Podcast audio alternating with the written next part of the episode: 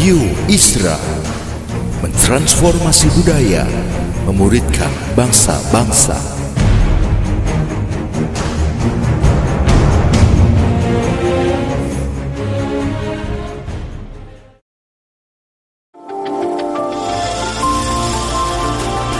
Voice of Pradaim menyuarakan paradigma kebenaran firman Tuhan yang esensi untuk memperlengkapi Anda menggenapi misi dan panggilan ilahi. Selamat mendengarkan.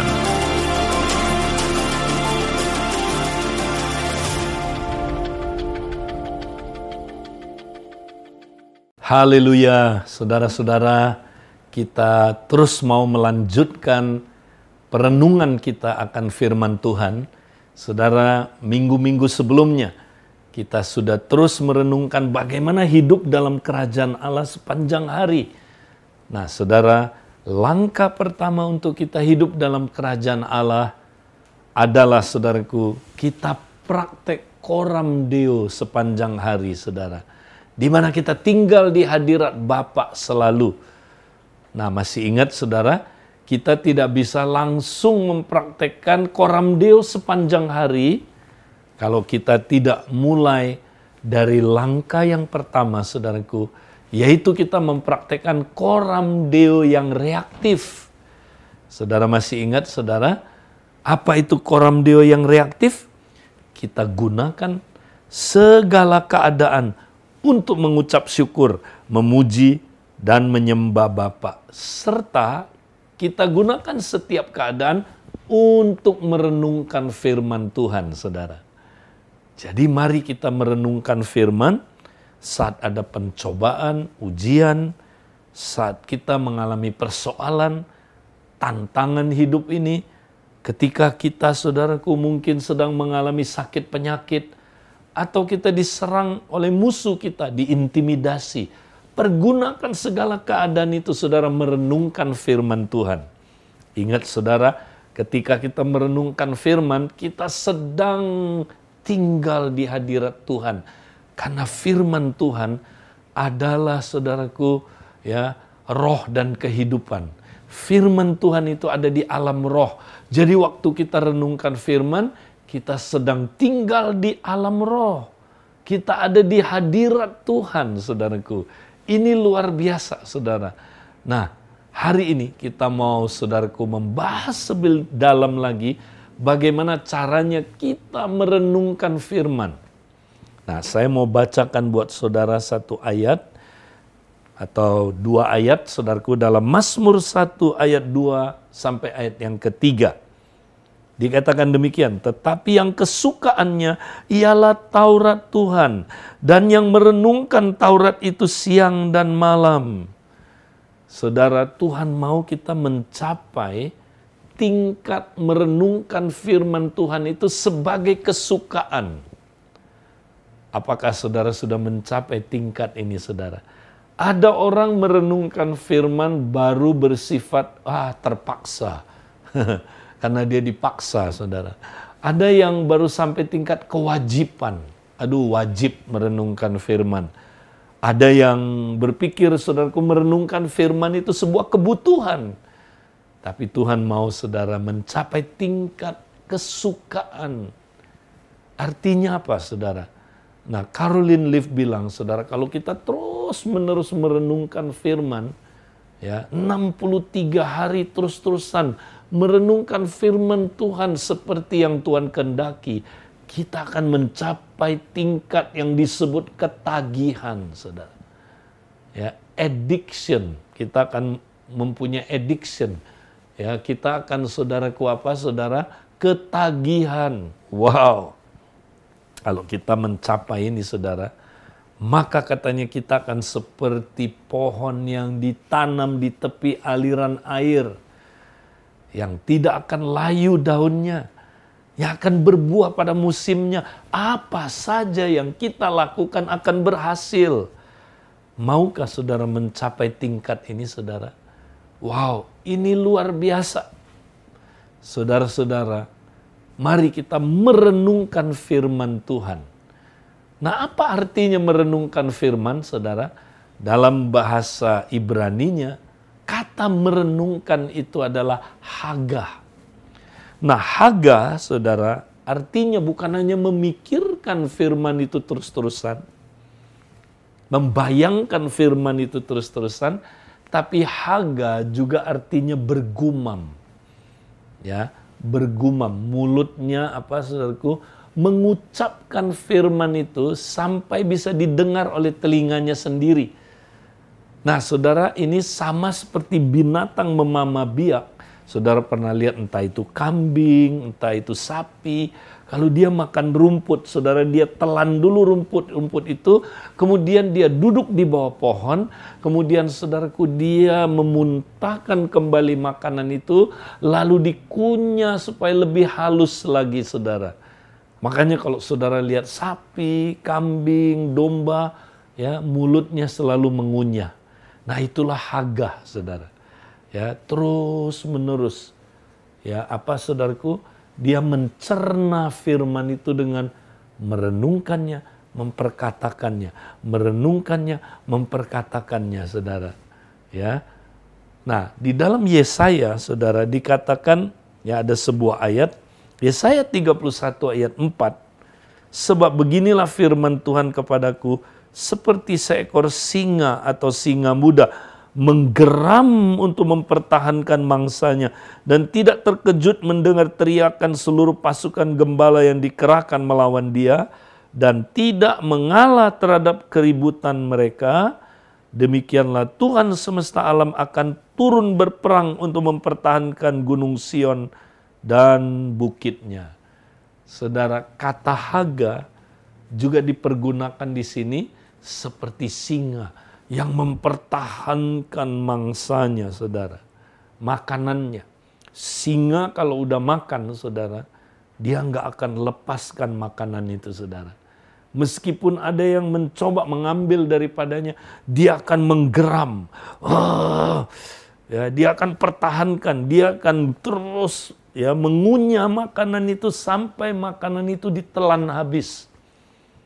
Nah, ini gambaran dari Haga Haga artinya saudara, ya bukan hanya merenungkan firman, tapi mengunyah firman itu saudara, ya menggeram, ya mengucapkan firman itu saudara, sampai dia sendiri bisa dengar suaranya saudara. Itulah Haga. Nah saudara, kenapa kita penting mengucapkan firman itu saudara? Mengapa kita penting mengakui firman itu? Nah, mari kita lihat saudaraku di dalam Ibrani pasal yang ketiga ayat yang pertama. Saudaraku Ibrani tiga ayat yang pertama katakan demikian. Sebab itu hai saudara-saudara yang kudus yang mendapat bagian dalam panggilan sorgawi, pandanglah kepada rasul dan imam besar yang kita akui yaitu Yesus. Saudara menurut ayat ini, Yesus adalah rasul dan imam besar kita. Rasul artinya yang diutus, imam besar kita.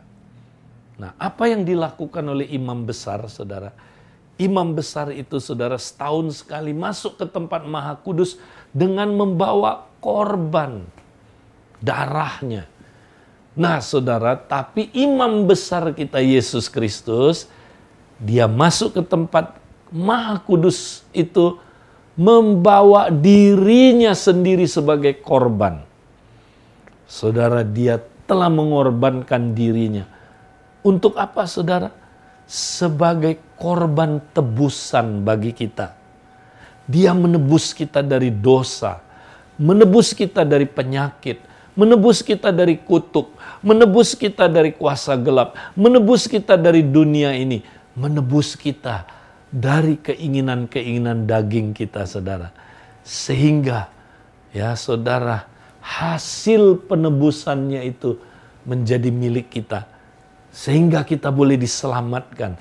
Kalau Yesus Kristus, imam besar kita, tidak menebus kita, kita nggak mungkin selamat, saudara.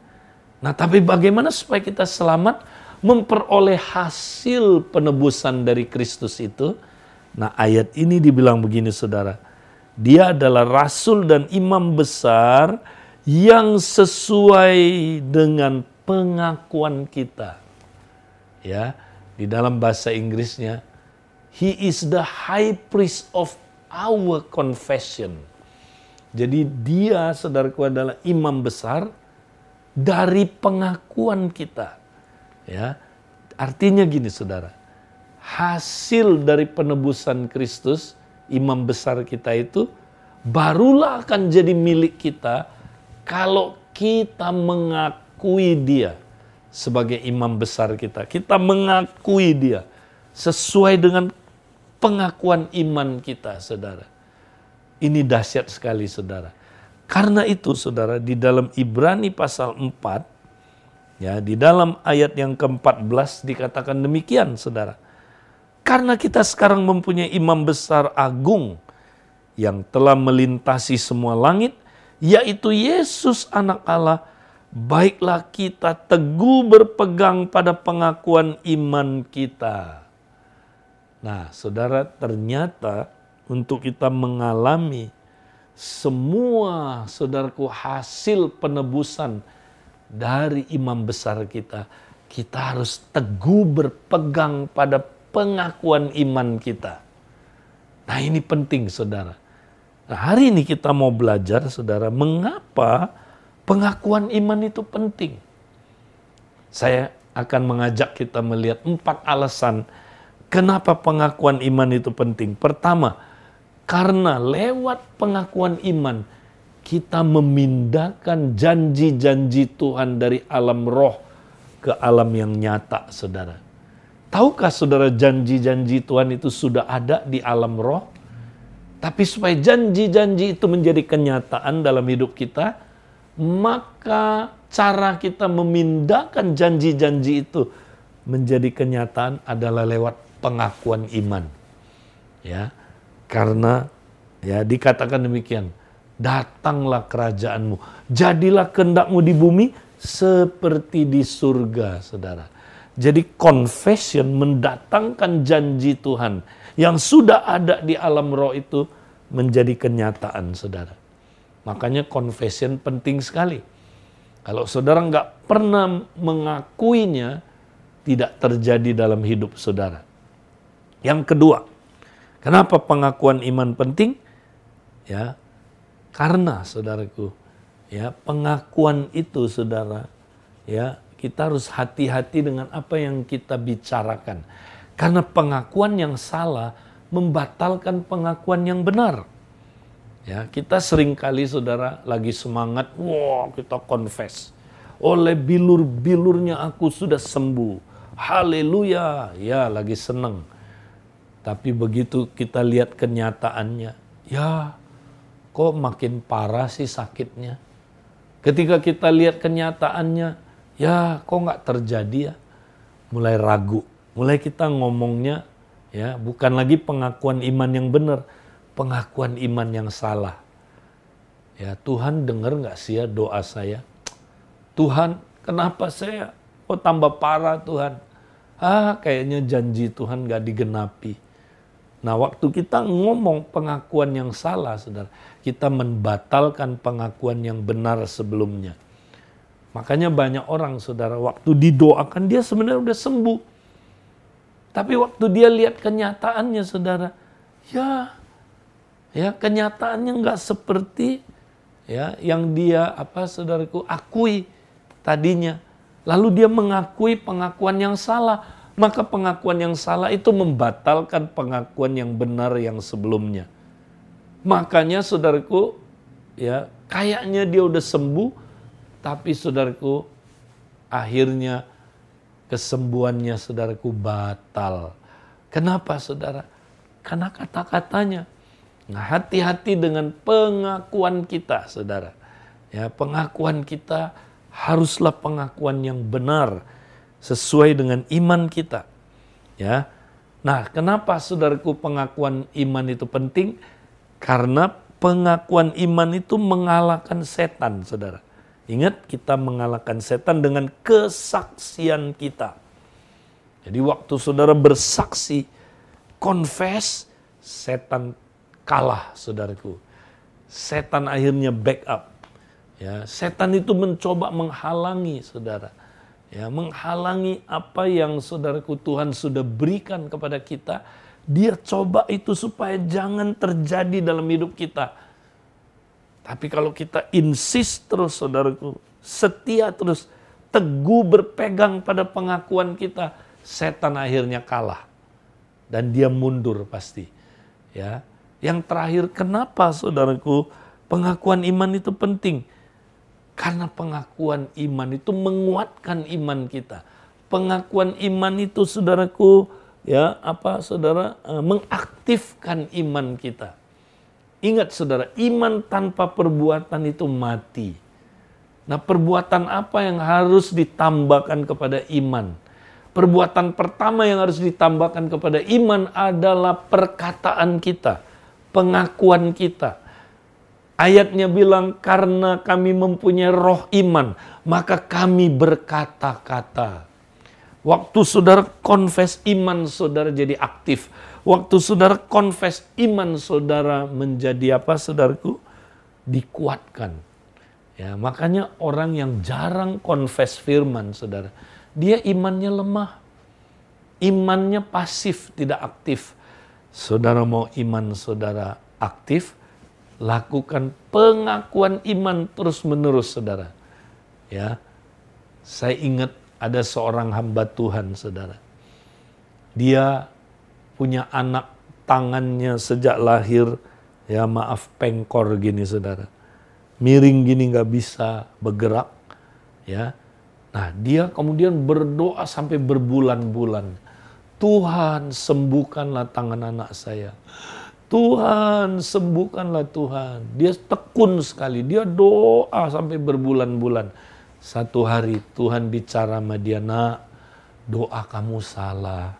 Lo salah di mana Tuhan? Kan aku mohon supaya engkau sembuhkan. Tuhan bilang begini nak, ya coba kamu baca ayatnya, ya Tuhan kasih dia ayat itu saudara. Dialah yang memikul kelemahan kita dan menanggung penyakit kita. Oleh bilur-bilurnya kita telah sembuh. Tuhan bilang perhatiin ayat ini. Oleh bilur-bilurnya kita apa? Telah sembuh. Bukan akan sembuh. Bukan sembuh pelan-pelan. Bukan mudah-mudahan sembuh. Tapi telah sembuh. Kamu percaya nggak kata Tuhan? Wih, dia kayak dapat apa saudaraku? Kayak pencerahan yang luar biasa. Wow, sudah sembuh. Bukan akan sembuh, bukan mudah-mudahan sembuh. Sudah sembuh. Tuhan ampuni aku selama ini Tuhan. Aku minta-minta ngemis terus. Ternyata sudah sembuh Tuhan. Ampuni aku Tuhan. Wah dia bertobat saudara. Dia rubah cara dia berdoa saudara dia tidak minta lagi. Tapi dia confess terus saudara. Mengucapkannya dengan disertai dengan syukur. Dia mulai merubah confessionnya saudara. Terima kasih Tuhan. Kau sudah sembuhkan anakku Tuhan. Oleh bilur-bilurmu, tangan anakku sudah sembuh. Dia ngomong itu saudara. Nggak terjadi apa-apa tapi dia teguh berpegang pada pengakuan imannya. Dia ucapkan lagi, Tuhan terima kasih Tuhan. Ya, bahwa tangan anakku ini sudah sembuh oleh bilur-bilurmu sudah sembuh. Terima kasih Tuhan. Satu hari saudara waktu dia lagi ngomong itu, dia pegang tangan anaknya. Waktu dia ngomong itu saudara, tiba-tiba tangan anaknya berbunyi tulangnya kretek, kretek, kretek. Dan tiba-tiba anaknya tangannya jadi normal, saudara. Sejak hari itu sembuh. Wow, saudara dia belajar satu pelajaran, saudara. Betapa dahsyatnya kuasa pengakuan iman itu, saudara. Saudara, Tuhan mau kita melakukan pengakuan iman. Nah, sekarang hal-hal apa saja yang perlu diakui dalam pengakuan iman? Nah, mari kita lihat ada empat hal juga, saudara, yang perlu kita akui terus-menerus dalam hidup kita, saudara. Ya, pertama, ya karya Kristus di kayu salib untuk kita. Tahukah saudara, semua hasil penebusan Kristus di kayu salib udah selesai. Udah ada di alam roh. Ya. Dia sudah tebus kita dari dosa, dari penyakit, dari kuasa gelap, dari kutuk, dari dunia ini, dari kedagingan kita.